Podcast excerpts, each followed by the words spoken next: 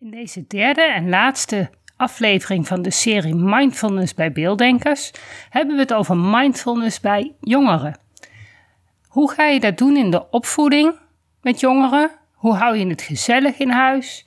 Uh, hoe kun je mindfulness inzetten als je jong bent om stress en onrust in je hoofd weg te krijgen? En we hebben als afsluiting de oefening de bodyscan. Die echt heel fijn is om als je s'nachts niet kan slapen of als je in de les zit met een blackout, jezelf weer tot rust te brengen.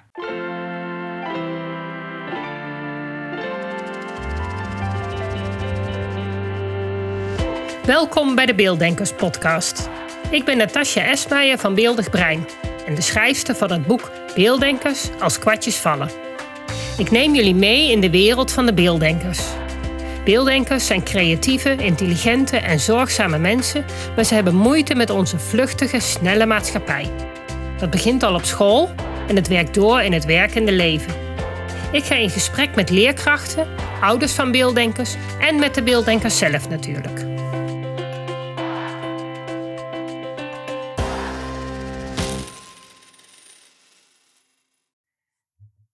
Welkom Bram uh, bij de derde en laatste podcast van onze miniserie. Uh, vandaag gaan we het hebben over mindfulness voor jongeren. Bram, wat kun jij ons vertellen over mindfulness bij jongeren? Want jongeren is natuurlijk een hele andere doelgroep dan kinderen. Dus je hebt daar vast een, uh, iets voor ons wat, wat, wat, dat nou zo anders maakt. Ja, dankjewel Natasja voor je inleiding. En inderdaad, jongeren en kinderen, ja, die zijn uh, in, een, in een ontwikkeling uh, met andere dingen bezig. Uh, eigenlijk is het de, opvoeding van kind eh, zijn naar volwassenheid. En wat maakt dan dat mindfulness anders is bij kinderen dan bij jongeren? Dat zit hem eigenlijk vooral in ehm, het omgaan met ja, nieuwe omgevingen, nieuwe ervaringen. Uh, ook uh, de identiteit van uh, de jongeren zelf. Wie ben ik?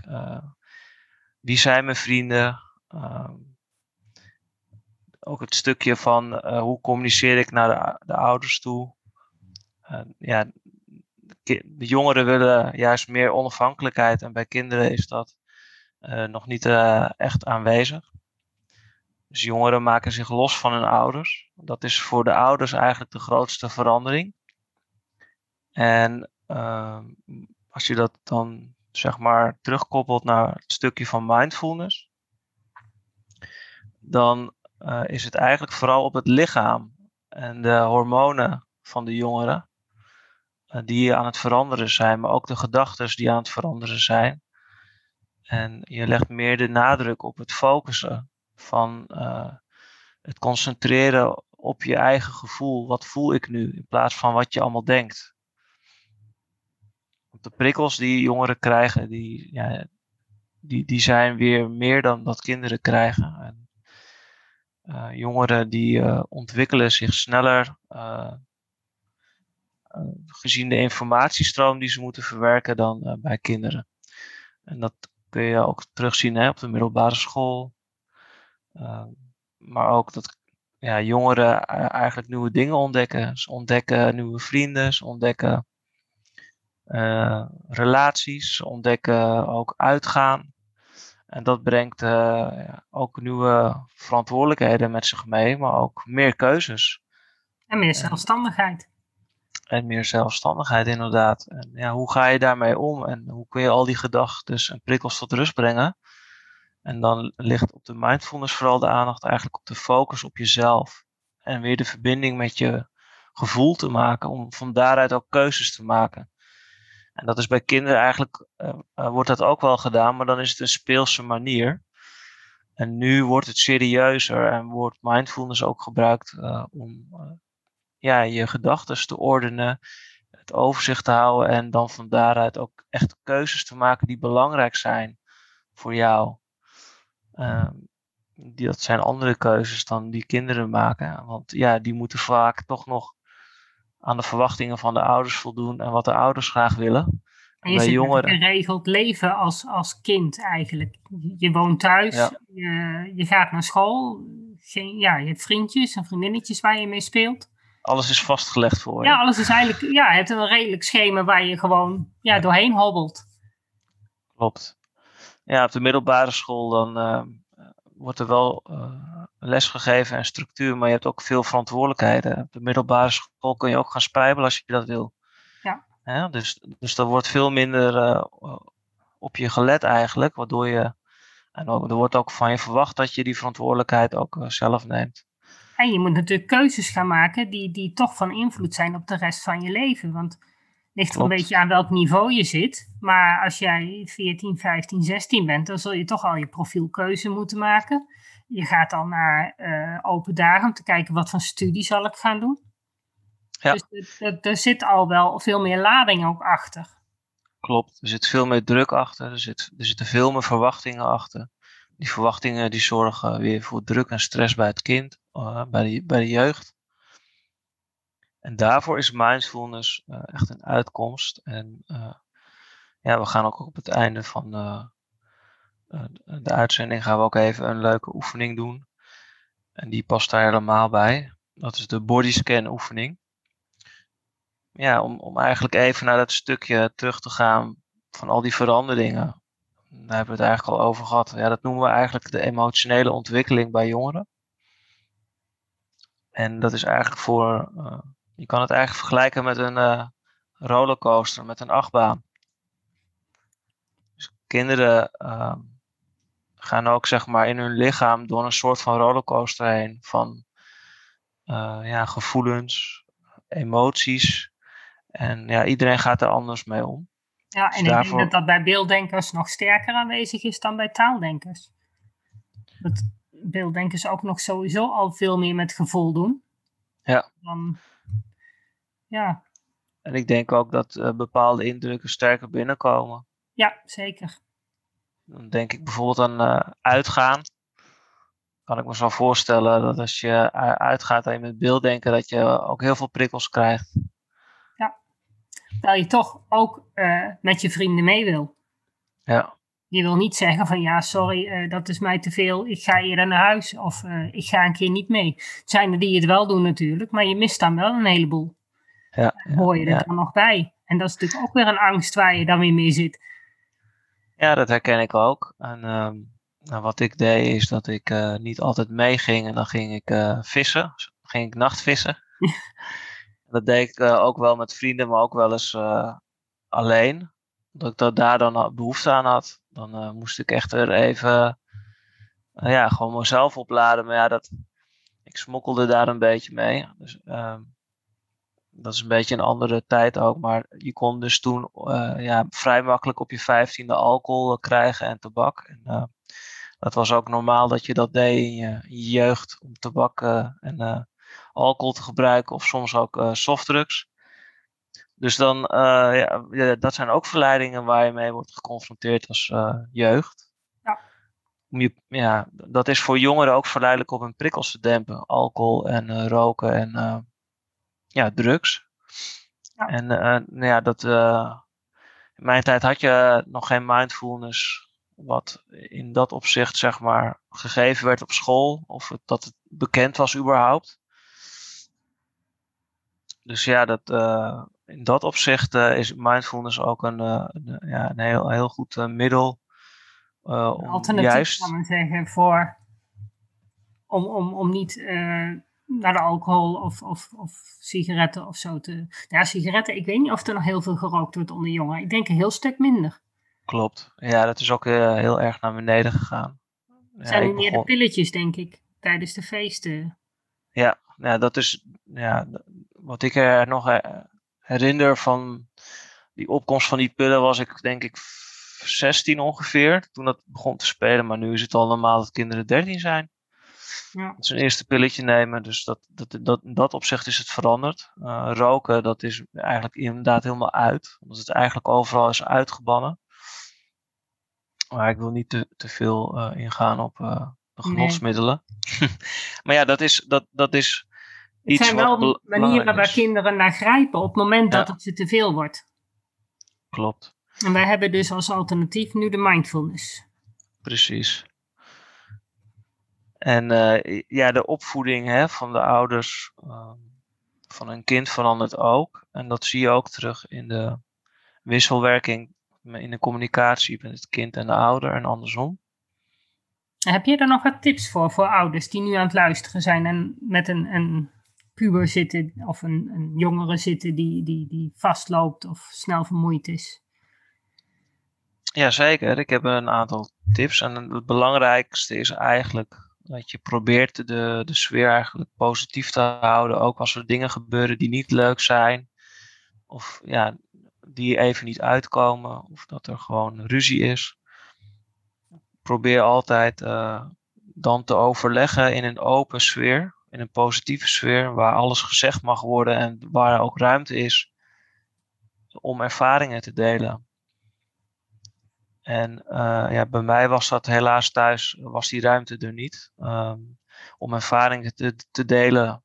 Dus dan. Uh, het is ook lastig, want, uh, want als jij als ouder ervaringen niet kunt plaatsen in, in je eigen jeugd, dan, kun je, dan wordt het ook moeilijk om je te verplaatsen in het kind, in je tiener, om die ervaring zeg maar te beleven.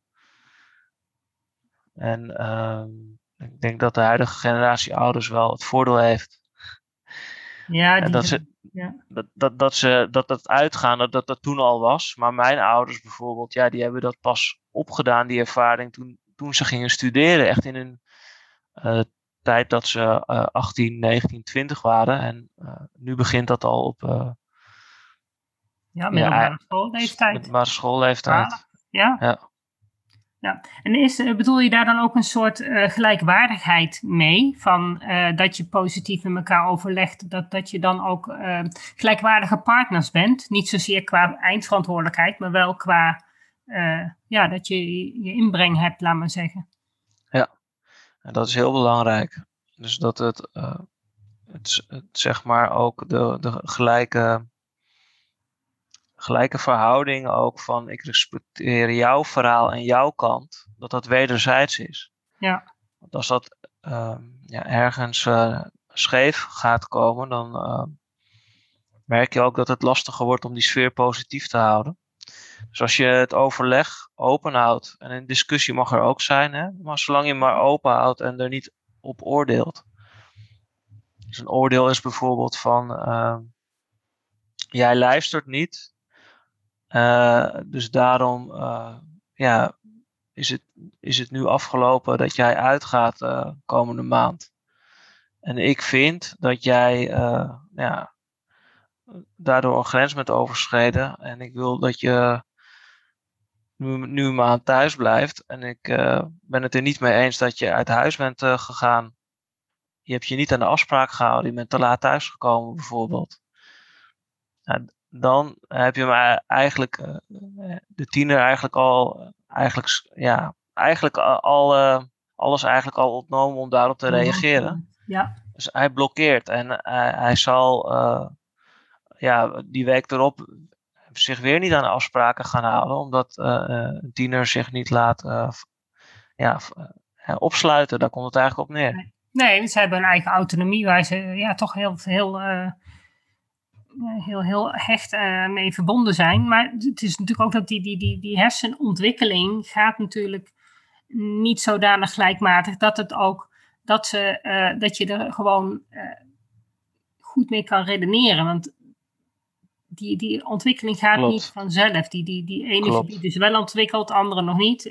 ze kunnen niet goede afwegingen maken. Klopt. Vaak is het zo dat ze de consequenties ook nog niet goed kunnen inzien. Van uh, bijvoorbeeld het te laat thuiskomen. Vaak hebben ze ook uh, verantwoordelijkheden zoals een bijbaantje.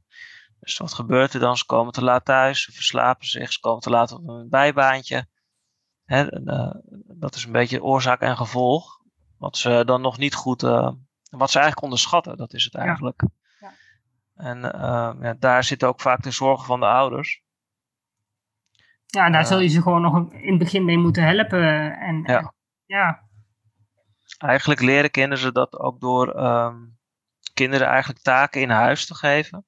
En door afspraken te maken thuis. En mijn suggestie is om daar niet een waslijst van te maken, maar eigenlijk gewoon een paar simpele taken te geven. Zeg maar maximaal drie taken in de week die ze doen. En dat kan zijn uh, de afwas of uh, het gezond maaien of um, de kamer opruimen. Uh, ja, of even eten halen, boodschappen doen. Maar dat je ze toch die verantwoordelijkheid geeft en, en daar eigenlijk mee gaat spelen om te kijken of ze zich aan de afspraken kunnen houden.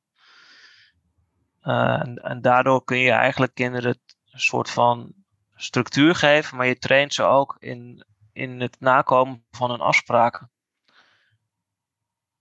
En wat ook belangrijk is als tip, ga samen ook, probeer samen ook één leuke activiteit in de week te doen.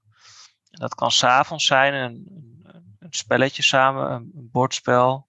Maar dat kan ook um, een wandelactiviteit zijn in het weekend. Of um, samen koken, samen uh, een barbecue doen, organiseren. Het, kan allemaal heel simpel. Het hoeft niet allemaal duur te zijn. Of uh, hè, naar het pretpark. Of uh, ja, het mag allemaal simpel zijn. En uh, dat je samen met elkaar de vreugde deelt in een activiteit.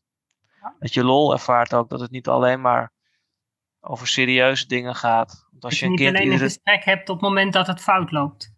Precies. Ja. Dus als het kind uit school komt, uh, ja, is het vaak ook van. Uh, Eerst met ja, rust laten.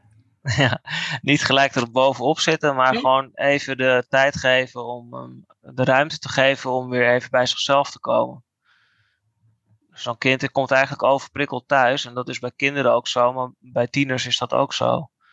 Dus als jouw tiener dan achter zijn gamecomputer gaat zitten, laat hem maar even. Dus ga niet gelijk die discussie aan van ga van die computer af, ga je huiswerk maken. Want dat werkt niet. Maak dan gewoon afspraak, oké, okay, je mag even een uur gamen en daarna gaan we even koffie drinken of thee. Of uh, wat mij betreft water. En dan uh, uh, bespreek je even de dag. Hoe was je dag vandaag op school? En dan krijg je een open gesprek. En uh, stel open vragen, geen gesloten vragen. Dus hoe was je dag vandaag is een open vraag. Ja, niet van was het leuk op school? Ja, dan geef je het antwoord. Ja, daarom. En ja, dan, dan klaar, doei. Te zeggen. En dan is het kind weg naar boven, naar zijn kamer ja. en dan zie je hem niet meer. ja, maar wat heb je gedaan op school? Weet ik niet. ja, nee, daar hebben ze nooit geen antwoord op. Uh. Precies. Ja, dus, uh, ze even, ja. wat even bij hebben kunnen. Wat ik merk, uh, vooral, maar dat is dan meer met jongere kinderen, als ze s'avonds naar bed gaan, dan ineens dan komen al die verhalen. Op het moment dat jij zoiets hebt van, hey, nou begint het journaal, nou moeten we opschieten, dan, dan ineens dan, dan komt het er allemaal uit. Maar goed, uh, jongeren leg je over het algemeen niet meer in bed. Dat regelen ze zelf wel. Ja, dat klopt. Maar die momentjes moet je wel pakken, ja. Dus ja, het, uh, dat zijn eigenlijk de belangrijkste. En uh, ja, ook complimenten geven als het goed gaat. Ja, dus niet alleen benoemen wat niet goed gaat, maar ook benoemen wat wel goed gaat. En op die manier, ehm, ja, het is ook een proces van kind naar volwassen zijn. Dus als ouder uh, groei je ook mee in dat proces. Dus daar ontkom je ook niet aan. Je kan je, kan je wel helemaal 100% voorbereiden op het ouderschap, maar het blijft altijd een proces wat afhankelijk is van situaties die zich voordoen. Ja, en, en maak gebruik van die situaties. Ja. Als je ineens merkt van, hé, hey, het kan wel, omdat het nou eenmaal een keer moest. Ja, dan weet je, oh, we zijn weer een stapje verder. Ja. Dus ja, het is, uh, je, je groeit mee met je kind en je, en je leert gaandeweg het meeste. Maar dit zijn wel de belangrijkste tips uh, om eigenlijk ook vanuit de basis die zorgen los te laten. Want daar gaat mindfulness ook over. Laat je zorgen ook als ouder los. En als kind heb je ook, uh, als tiener heb je ook gewoon heel veel aan je hoofd. En past ook niet altijd alles in je hoofd. Dus soms gaan er ook dingen langs je heen gewoon. En uh, ja, uh, dat zie je dus ook bij. Als je als, je als tiener uh, dus helemaal in de stress zit, hoe, hoe kun je daar dan weer uitkomen? Ja, vaak is het zo dat het meest belangrijke is dat je even eigenlijk naar een rustige plek voor jezelf gaat. En als je op school bent, is dat natuurlijk lastig. Maar wat je dan kan doen, is dat je even de klas uitgaat naar de wc. Dat je dan gewoon even een momentje voor jezelf neemt. En dan weer even terugkomt. Je kan ook gewoon uh, stilletjes naar je ademhaling toe gaan. En dan gewoon inademen via je neus en uitademen via je mond. En dan hoef je niet de klas uit, maar kun je toch focussen op je ademhaling met je aandacht. En van daaruit weer je oefening oppakken, waardoor je daarvoor nog in de stress raakte van hoe moet ik die oefening doen. En met je aandacht naar je ademhaling gaan, dat kun je altijd doen. Je ademhaling is er altijd en het geeft dan even de ruimte om weer even overzicht te maken in je hoofd. Dus voor beelddenkers is dat ook heel belangrijk. Dat je dan weer even kan ordenen, oké, ik ben hier, ik moet die stappen zetten en dat is mijn doel. Ja, ja dat, dat geef ik ook altijd dat tip mee als kinderen een blackout hebben tijdens een toets. En inderdaad eventjes gewoon vijf minuten rust nemen en gewoon even in je hoofd teruggaan van waar was ik toen ik deze toets aan het leren was. Wat, wat heb ik allemaal geleerd? Hoe zag die mindmap eruit? Uh, wat waren de onderwerpen ook alweer? Wat hoorde er ook alweer bij? En zo kom je eigenlijk weer helemaal terug in dat hele, uh, in de setting waar je was op het moment dat je aan het leren was. En meestal voel je je dan nog wel prima. Dan krijg je als, met een beetje mazzel krijg je ook dat rustige gevoel dan weer terug. Ja. Het kost je vijf minuten, maar ja, het levert je in ieder geval op dat je wel de toets kan maken. Want een blackout, uh, daar heeft een docent niks aan. Dat wil niet zeggen dat je hem dan opnieuw over mag maken of zo. Dus ja, die vijf minuten haal je dan wel weer in. Ja. Ja, zeker. En, uh, dat is natuurlijk wel een, een, dingetje, want vaak hebben ze al moeite met tijd. Dus die tijdsdruk die zit er ook nog eens een keer bovenop. Ik herken het. Ja, dan, dan zit je dubbelop in de stress van, oh jee, ik weet het niet meer. Oh jee, uh, nou moet ik ook nog vijf minuten pauze houden van Natasja, omdat ik uh, een blackout heb en ik weer terug moet. En ik heb al zo weinig tijd, dus ja, dat werkt natuurlijk niet mee. Maar het kan wel. Ja, ja wat in ieder geval goed is om ook te weten, uh, dat als je als tiener op het middelbare onderwijs zit, of op het hoger onderwijs of op het middelbaar beroepsonderwijs, dat je er altijd bij uh, de ondersteuning van, uh, van bij de decaan altijd uh, ook je kan aangeven dat je beelddenker bent, of dat je dyslexie hebt, of dat je wellicht autistisch bent, of ADHD hebt, waardoor je extra tijd met toetsen kan krijgen. Ja, dat klopt. Maar niet iedereen is, heeft daar recht op natuurlijk. Klopt. Als je dyslexieverklaring hebt, dan lukt dat wel, maar op het diagnose beelddenken die bestaat niet. En dan moet je wel toevallig een school hebben die dat dan goedkeurt. Klopt. En ik zeg altijd, uh, gewoon proberen. En uh, dan heb je altijd je best gedaan. Ja. En wat jij zegt, dat, uh, dat, dat klopt ook. En ehm, ja, ik mij heeft het jammer hoor dat dat, dat, dat ja. niet zo is. Want ik weet zeker dat er heel veel kinderen die inderdaad helemaal geen uh, dyslexieverklaring hebben, maar er eigenlijk wel recht hebben op, op die extra tijd. Maar er is niks waar je dat aan kan ophangen. Ja, ik kan, kan het zo, uh, via die dominantiepatronen, kan ik het zo bepalen of een kind daar last van heeft. Ja, ja. dat is niet uh, officieel erkend. Dus, maar daarom, door... daarom, is het, daarom is het goed om, om, even, om aan te geven van, nou ja, een beelddenker heeft gewoon meer tijd nodig. Net zoals iemand met uh, dyslexie. Ja. Hè? En dat is dan wat makkelijker om uit te leggen, waardoor er begrip is voor jouw situatie. En hoe meer mensen het aanvragen, hoe vaker die mensen bestookt worden met de vraag en hoe sneller de kans bestaat dat we met z'n allen toch die extra tijd gaan regelen. Ja, ja dat ben ik helemaal met je eens. En uh, ja, het vastlopen hè, of, of, het stressmoment, wat een, wat een kind meemaakt in een situatie. Um, ja, dat kan ook gebeuren met de ouders of met, met de vriendjes of vriendinnetjes. Of als je je eerste verkering hebt, ja, dan is het ook belangrijk om die gedachten die in je hoofd zitten, hè, waardoor je eigenlijk uh, gaat zitten malen en zitten piekeren, uh, dat je die tot rust brengt als je door even naar je ademhaling te gaan, maar ook uh, door bijvoorbeeld een bodyscan te doen, die we dadelijk gaan doen. En dat is een oefening Waarbij je eigenlijk naar je gevoel gaat van hè, wat, wat voel ik nou eigenlijk in mijn lichaam in plaats van in mijn hoofd.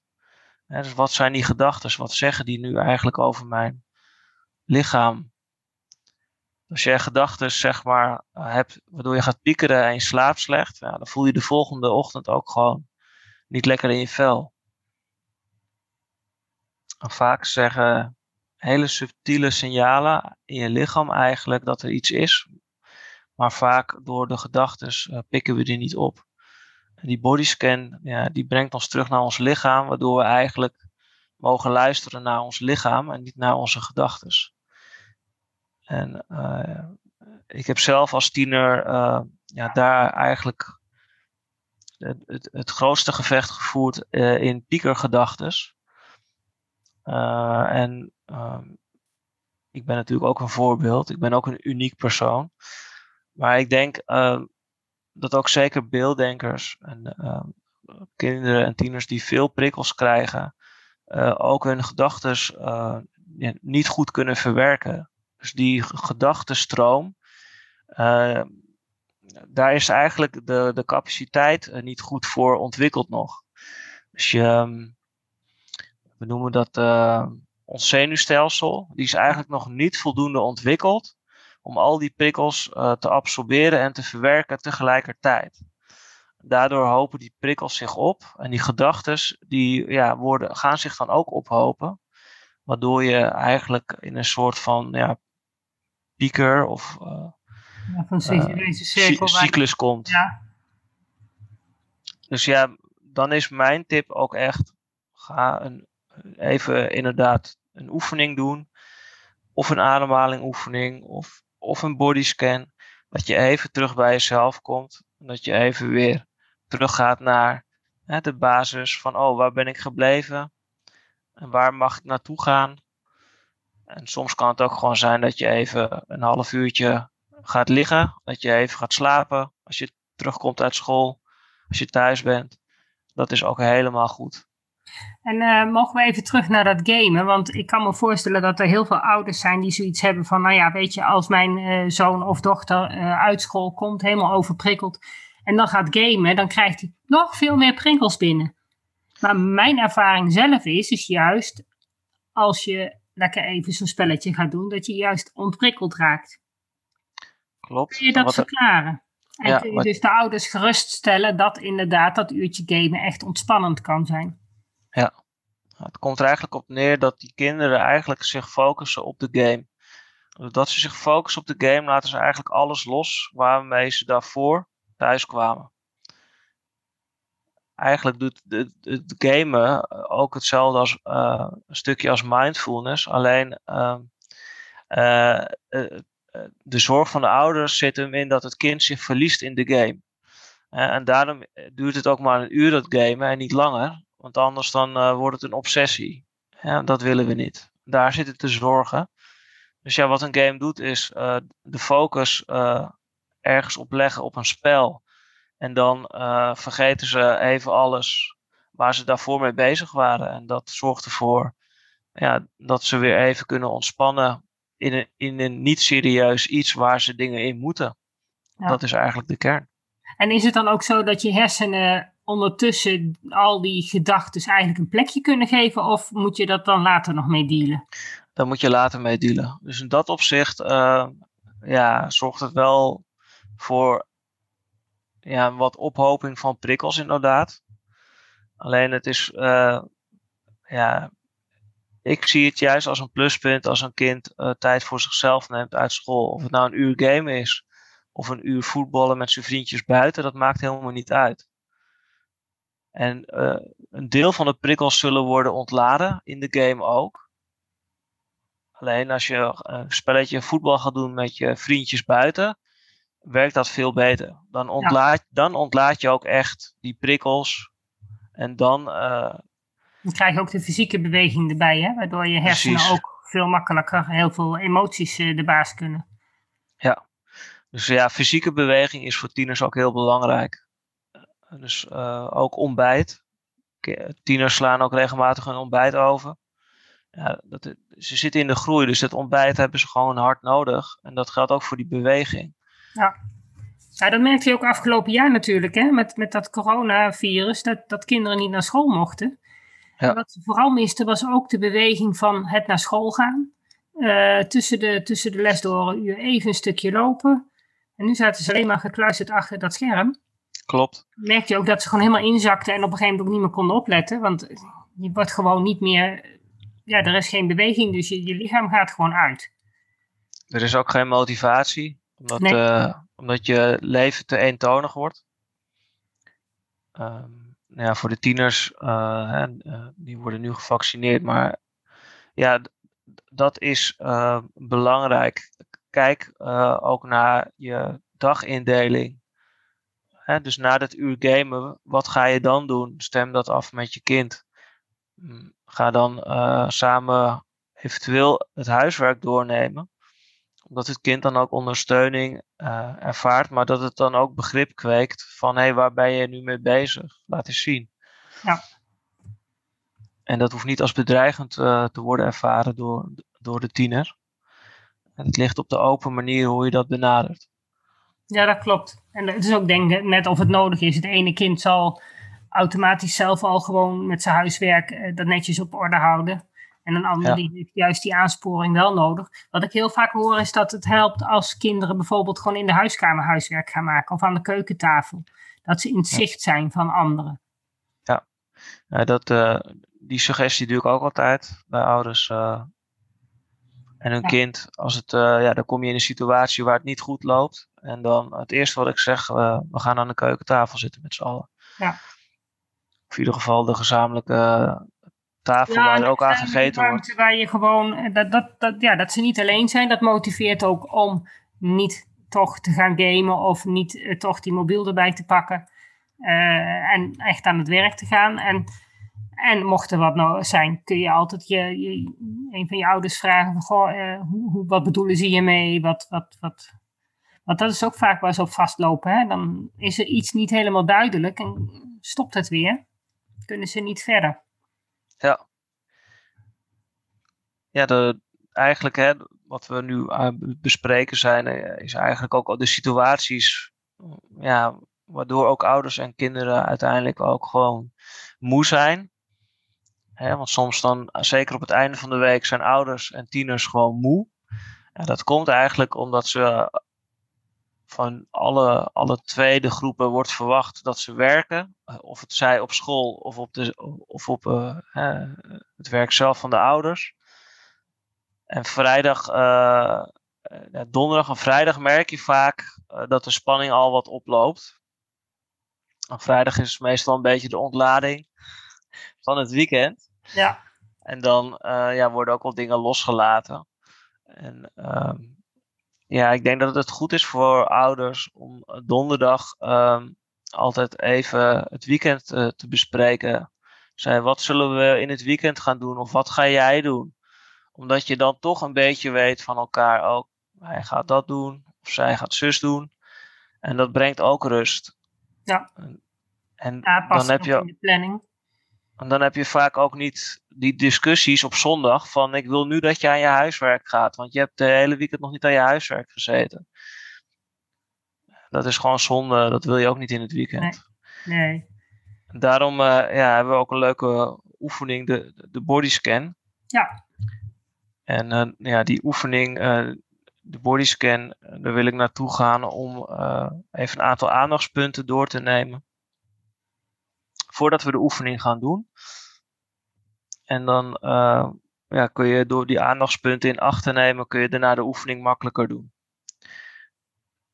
Nou, de aandachtspunten zijn bijvoorbeeld, hoe ga je om met je gedachten? Of, je, of je meningen, of je, of je herinneringen, of je, of je plannen.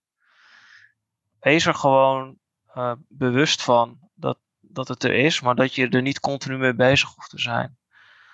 Dus als je wordt afgeleid door die gedachten, probeer gewoon vanuit uh, die rust, dat ze er mogen zijn, uh, los te laten. Dat het vanzelf weer een plek krijgt. Kom na de, elke afleiding telkens weer terug naar het voelen van je eigen lichaam. En dat kun je doen door bijvoorbeeld een glimlach op je gezicht te maken. of door je voeten te bewegen, net wat je fijn vindt. Laat bepaalde ideeën los die je in je hoofd hebt. Bijvoorbeeld uh, als je examens hebt, faalangst. Dingen goed willen doen. Of dat je angst hebt om dingen verkeerd te doen. Of dat je iets wil bereiken, uh, maar dat het nog niet lukt. Probeer je gewoon, uh, dat zijn gewoon gedachten. Laat die gewoon los en ontspan je lichaam gewoon. Dus door je lichaam te ontspannen, door naar je ademhaling bijvoorbeeld te gaan, kan je dat doen. Laat je die ideeën en gedachten los. Laat ook de verwachtingen los die je van de bodyscan oefening hebt. Ja, dus uh, ga niet voor jezelf alvast dingen creëren van, oh, wat gebeurt er als ik mijn gedachten loslaat? Of wat gebeurt er als ik uh, een scan doe in mijn lichaam? Dat mag je ook allemaal loslaten. Dat zijn ook allemaal weer gedachten. Hebben we niks aan. Wat er ook langskomt, blijf gewoon bij de ervaring van het moment.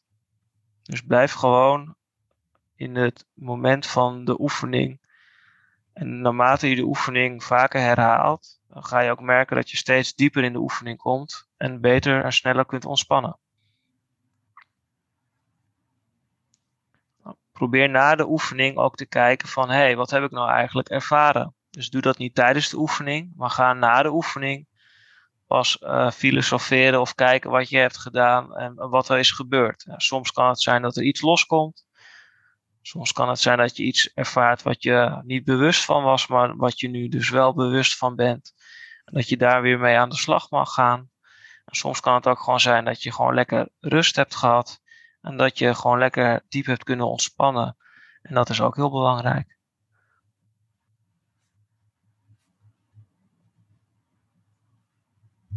Het gebruik van de uh, bodyscan uh, is eigenlijk om naar de stille kracht van je lichaam te gaan. Dus niet de hectiek van je hoofd, maar de stille kracht van je lichaam. Je hebt een korte bodyscan en je hebt een wat langere bodyscan. Nou, bij de kortere bodyscan die kun je eigenlijk prima op school doen. Of als je even zomaar ergens in een situatie zit dat je in de stress schiet, dat kan overal zijn. Maar niet dat je zeg maar uh, op je bed kan liggen. Daar komt het eigenlijk op neer. Soms ben je er niet van bewust dat je zo gespannen bent. En dan is het goed dat je onbewuste spanningen even gewoon van je af kunt laten glijden. En dat doe je eigenlijk door gewoon even met de aandacht. Uh, nou, als je op een stoel zit, ga je gewoon even naar je bovenbenen en je, en je, en je billen. Want je zit met je billen en je bovenbenen op de stoel.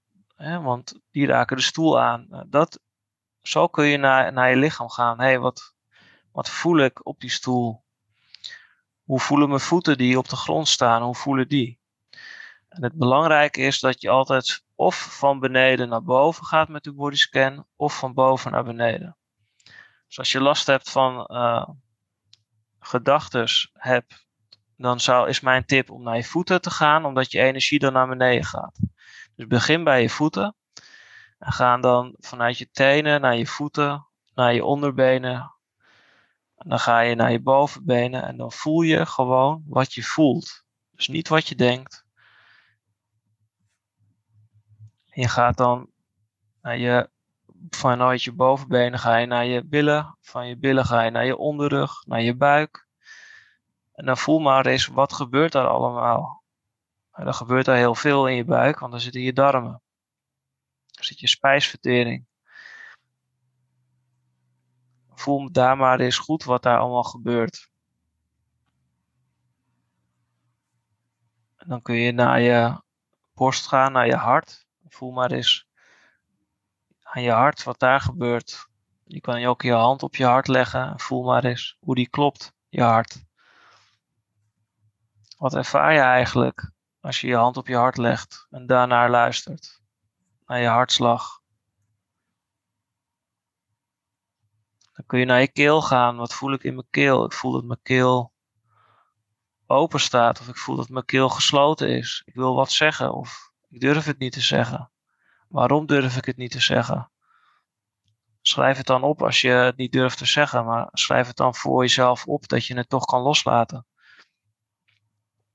En dan kom je bij je hoofd en dan ga je naar je kruin, die zit bovenop je hoofd. Wat voel je daar? Voel je misschien iets tintelen? Voel je de wind? Of ga je gewoon lekker door je haren heen met je hand? En dat is eigenlijk een korte bodyscan. En op die manier ben je eigenlijk helemaal uit je gedachten. Dus je bent helemaal niet meer bezig met je ideeën of met je plannen of met, je, of met de dingen die je moet doen. Of ja, je bent gewoon eigenlijk alleen nog maar met je lichaam bezig. En dat is de kracht van je stille lichaam. En de lange bodyscan kun je gewoon doen op plekken waar je echt de rust hebt en niet gestoord wordt, zoals op bijvoorbeeld je kamer. Kun je gewoon lekker op bed liggen en dan kun je de bodyscan ook doen. Maar dan doe je hem gewoon uitgebreider en dan ga je gewoon langer stilstaan met de aandacht op je, op je lichaam. Maar dan ga je ook, wat je ook kan doen in de bodyscan, is dat je naar de plekken juist gaat waar je last van hebt. Soms heb je pijn ergens, soms heb je hoofdpijn, soms kan het zijn dat je een blessure hebt door het sporten. Ga dan ook met je aandacht naar die pijn toe en ja, voel gewoon wat je voelt en ga met je handen dan op die plek uh, naartoe en leg je handen erop. Dat geeft dan een bepaald soort rust. En dan gaat de pijn ook vaak zelf vanzelf weg. Doordat je actief met je energie naar die pijn toe gaat. Hoe vaker je de bodyscan doet, hoe meer kracht je opbouwt om te, ja, om te zijn in het moment. Dus je leert eigenlijk uh, een soort automatisme aan om uit je gedachten te komen. Dat doet de bodyscan als je dat uh, herhaalt. En je kan er ook een challenge van maken. Dat je bijvoorbeeld samen met je tiener of kind dat iedere dag doet. En dan bijvoorbeeld voor het slapen gaan. Dat is een heel mooi moment om juist uit je gedachten te stappen en alle gedachten los te laten, zodat je ja, lekker kan slapen. Dus dat is mijn uh, oefening, de bodyscan. Klinkt heel goed, moet ik zeggen. Je kan die oefening zo lang maken als je zelf wilt. Ja. En dat is gewoon eigenlijk per situatie afhankelijk. Het gaat Wat erom dat doe jij uh, een lange bodyscan, 10 minuten, kwartiertje? 10 minuten inderdaad. Ja. En wat ik net heb gedaan, dat is eigenlijk, uh, ja, je kan hem ook in één minuut doen, als je hem heel snel zou doen. Ja. Maar als je hem verkort doet, zou ik drie à vijf minuten doen, max vijf minuten. En um, de lange is 10 minuten. En die kun je het beste gewoon liggend doen, omdat je dan juist dieper in je lichaam gaat als je ligt. En ook als je je ogen dicht doet, ga je weer dieper in je, in je lichaam. Ja, dat kan niet altijd overal. Je kan ook een body, bodyscan doen als je in de trein zit naar school toe, bijvoorbeeld. Dan heb je tijd zat volgens mij. ja. Dus uh, ja, je kan hem op elk moment, in iedere situatie kun je hem toepassen. En mijn tip is, deel ervaringen met je tiener, uh, met je kind. Want dat brengt uh, elkaar dichter bij elkaar, maar ook de sfeer wordt daar ook veel beter door. En je creëert ook meer ehm, mogelijkheden eigenlijk om dingen met elkaar te delen. En je zal ook zien dat de, de activiteiten en de communicatie daardoor verbeteren. Dat kun je dus ook doen met een oefening samen te doen, zoals de bodyscan. Ja, oh, het klinkt heel goed. Dankjewel. Ja. Nou, ik wil jou eigenlijk heel erg bedanken voor deze miniserie over mindfulness. Of had jij nog wat uh, dringends kwijt gewild? Nou ja, hartstikke bedankt, uh, Natasja. Hartstikke bedankt dat ik uh, in jouw podcast mijn verhaal over mindfulness mocht uitbrengen. En wat, het, wat mindfulness is, wat het betekent en wat het betekent en kan doen voor kinderen, maar ook wat het betekent en kan doen voor tieners, hè, de jeugd. En de ouders zelf, denk ik. En, en de ouders zelf. Die hebben we vanzelf ook meegenomen. Precies. Ja. En, die, en die samenwerking, uh, die is eigenlijk uh, belangrijk voor, voor het gezin, voor de harmonie binnen het gezin.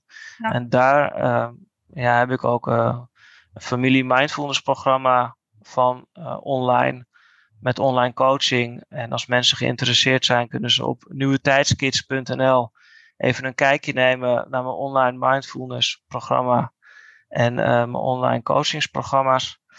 En ik uh, combineer mindfulness en coaching samen en dat maakt mij uh, uniek. En dat is de kracht eigenlijk ook die ik wil meegeven aan de ouders. Blijf in gesprek met je kind of tiener en doe samen mindfulness oefeningen. Dat brengt jullie dichter bij elkaar. Nou, heel mooi gezegd. Nou, dankjewel. dankjewel. En we, zien, we spreken elkaar vast nog wel een keer. Zeker. Dat was het weer voor vandaag. Bedankt voor het luisteren en superleuk dat je erbij was. Ik hoop dat je weer een beetje meer ontdekt hebt hoe gaaf, maar ook hoe lastig het kan zijn om een beelddenker te zijn in een wereld die is ingericht voor taaldenkers. Wil je meer weten? Lees dan mijn boek Beelddenkers als kwartjes vallen. Wil je op de hoogte gehouden worden van alle informatie die ik deel over beelddenkers in het onderwijs? Klik dan op de abonneerknop in je podcast-app. Wil je dat er meer mensen op de hoogte zijn van hoe beelddenkers anders denken? Laat dan een review achter, zodat er steeds meer mensen in beweging komen om het beelddenken serieus te nemen. Heb je nog tips of vragen? Of ben jij of je kind een beelddenker en wil jij je verhaal delen? Laat het me gerust weten.